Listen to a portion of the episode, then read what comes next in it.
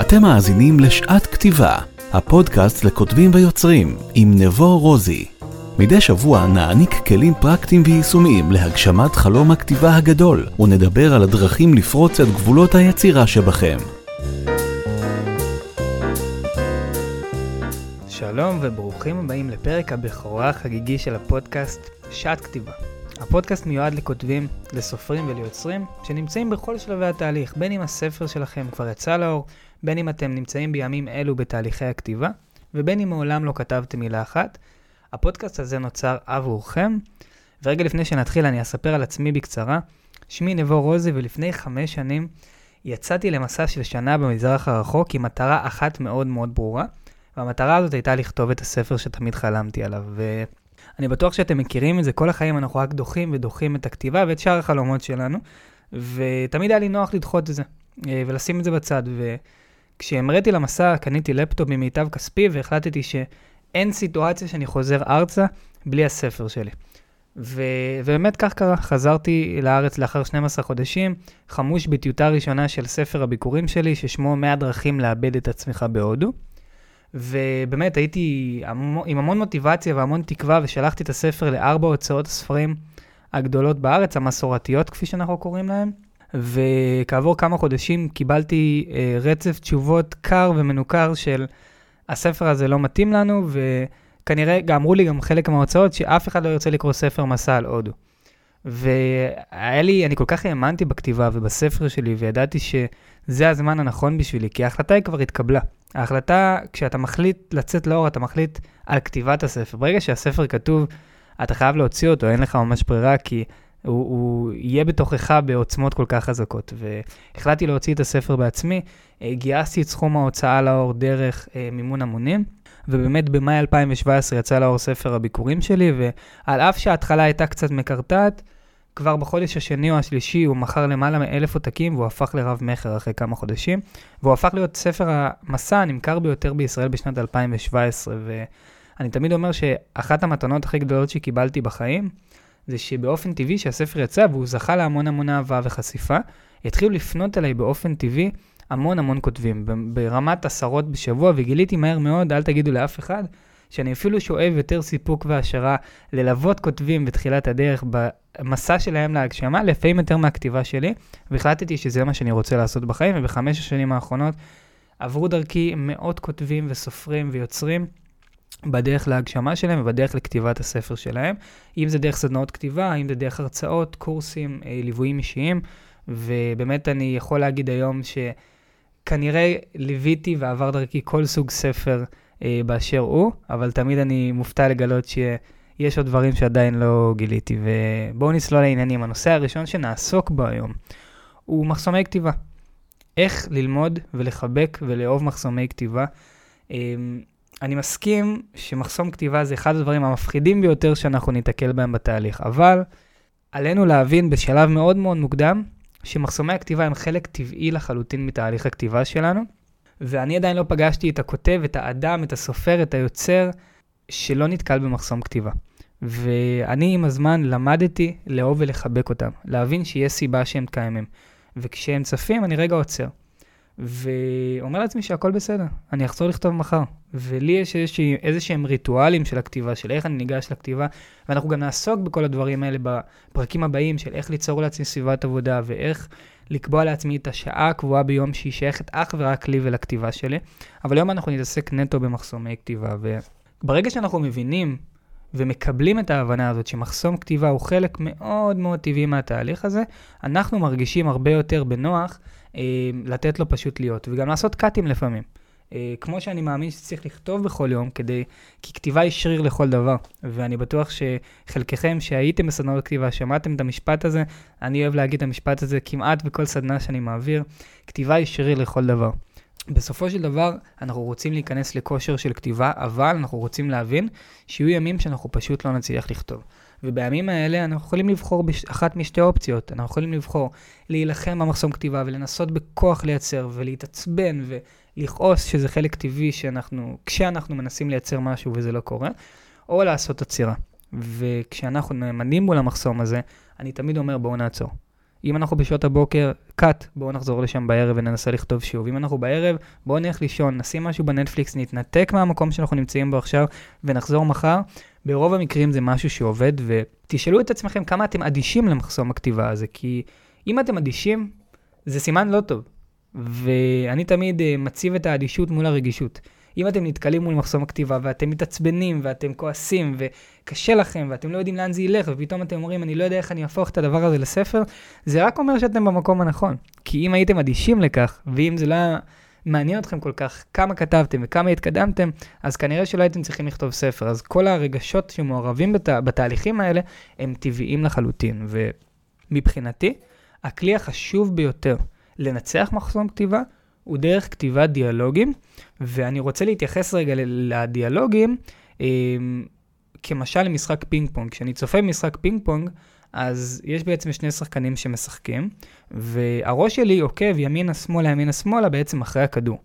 מה יקרה שהם ישחקו מהר מדי, ויחבטו מהר מדי בכדור? הראש שלי לא יספיק לעקוב אחרי סדר ההתרחשויות. והחוק הראשון מבחינתי לכתיבת דיאלוגים, הוא באמת לוודא שאנחנו כל הזמן מצליחים לעקוב אחרי הכדור. זה אומר, אני קורא לזה אה, תרגיל המי דיבר עכשיו.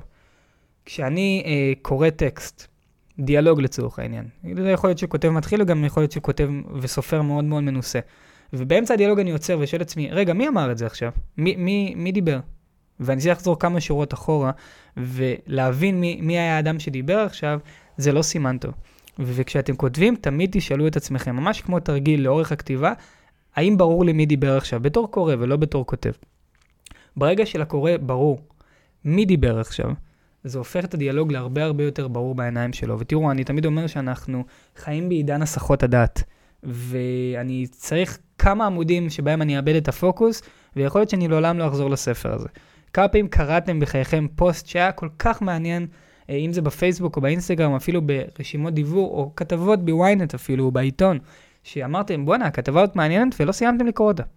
כי מישהו שלח לכם הודעה, או התקשר אליכם, או דפק לכם בדלת, או ארוחת הערב הייתה מוכנה, או הדוד התחמם ואתם רוצים להיכנס להתקלח. אנחנו חיים בעידן הסחות הדעת, ואנחנו רוצים תמיד לוודא שהקורא נמצא איתנו.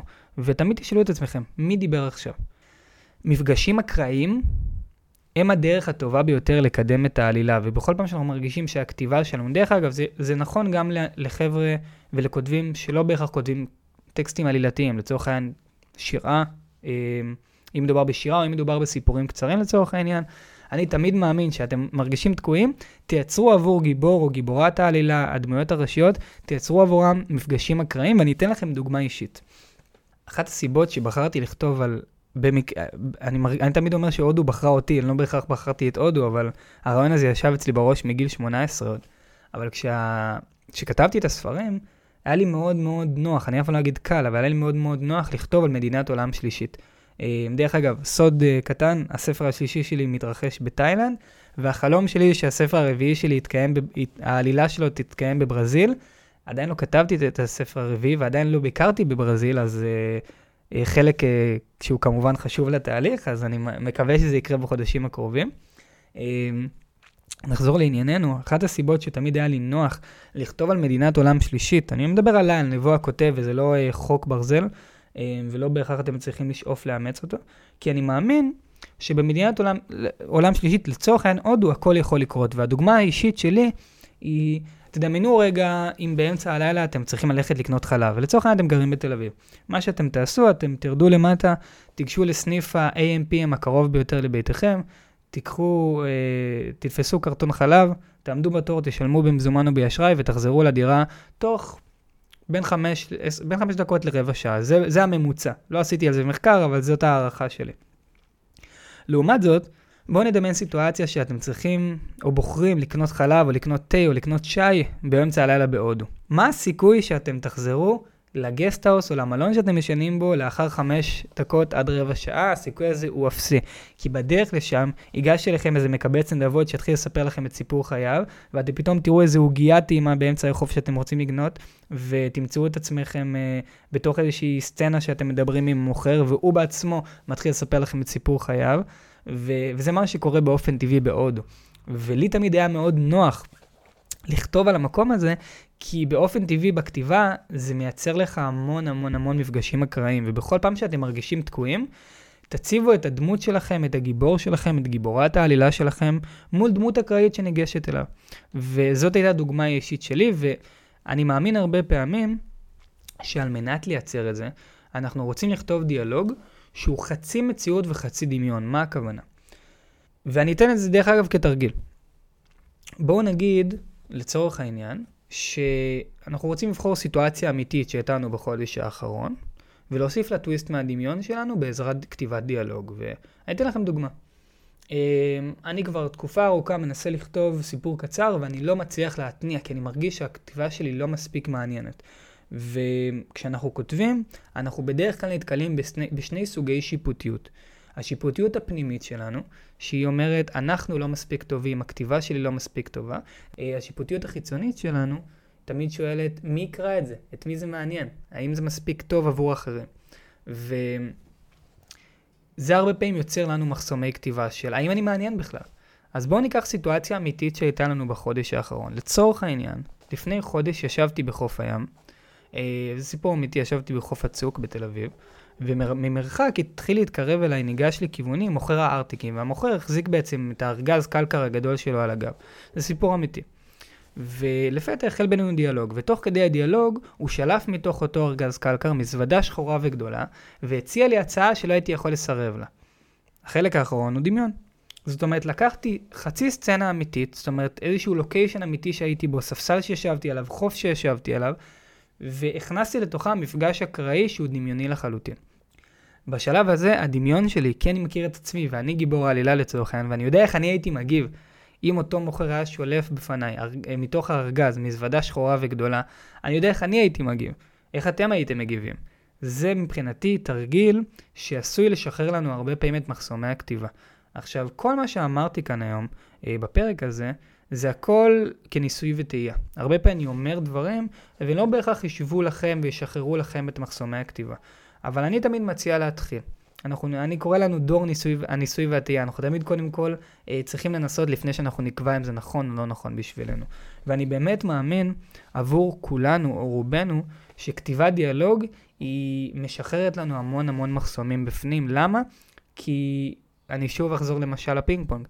כשאני עומד מול שחקן פינג פונג אחר, והוא חובט לעברי, באופן טבעי אני אחבוט בחזרה. זאת אומרת, באופן טבעי אני אגיב. וככה גם בדיאלוג, ברגע שדמות אחת אומרת אפילו משפט, או חצי משפט, אז באופן טבעי הדמות השנייה תשיב לה. ומה קורה אם אנחנו לוקחים את שולחן הפינג פונג ומחלקים אותו לחצי, אתם יודעים איך עושים את זה שמתאמנים אה, אנחנו מול עצמנו? אז בכל פעם שאני אחבוט, אני באופן אוטומטי אצטרך להשיב לעצמי. וטיפ קטן שאני אתן, אם דיברנו על מי דיבר עכשיו, תמיד לשאול את עצמי מי דיבר עכשיו, אז אני תמיד שמתי לב שכותבים בתחילת הדרך, בדיאלוגים הם הולכים מעט למקום טכני. מה הכוונה? הם לא מרגישים בנוח לנדב המון פרטים.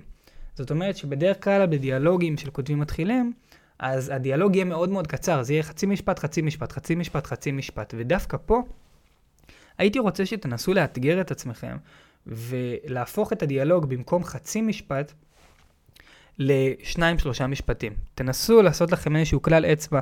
לצורך התרגיל, כן, זה לא שבספר שלכם זה אמור להיראות ככה או ככה, אבל תעשו לעצמכם איזשהו כלל אצבע, שכשאתם מרגישים תקועים, הדמות תשיב לדמות השנייה בשניים שלושה משפטים, ואז הדמות הראשונה תשיב לדמות השנייה בשניים שלושה משפטים. פתאום יש פה דיאלוג שהוא יותר עשיר. לקרוא דיאלוג של חצי משפט לכאן, חצי משפט לכאן, הוא לא תמיד דיאלוג, הוא הרבה פעמים יאבד את התחושה הזאת. אה, וזהו, עד כאן הפרק הראשון שלנו. הפרקים יהיו בדרך כלל די קצרים, יהיו בין רבע שעה ל-20 דקות, כי הם מאוד מאוד פרקטיים. אתם רואים איך אני מעביר את התכנים, אני נוטה לדבר מאוד מהר, ובתחילת הדרך אה, זה משהו שהפריע לי בעצמי, אני מדבר מהר, אבל מצד שני, אני למדתי כמו מחסומי כתיבה לחבק גם את זה, ולהבין שכשאני מעביר תוכן, אני מעביר אותו קצר וקולע, ובאופן כללי, אני רוצה להגיד לכם תודה שהצטרפתם אליי ותודה שהקדשתם זמן לעצמכם, ובאמת כך בכל פרק אנחנו נעסוק בפן אחר בכתיבה שלנו, ונעזור לעצמנו לייצר, לשחרר את המחסומים האלה. אז אני הייתי נבו רוזי ואני רוצה להודות לכם שהצטרפתם אליי, ואנחנו ניפגש בפרק הבא. האזנתם לשעת כתיבה, הפודקאסט לכותבים ויוצרים עם נבו רוזי. לכל שאלה או בקשה מוזמנים לחפש נבו רוזי בפייסבוק או באינסטגרם.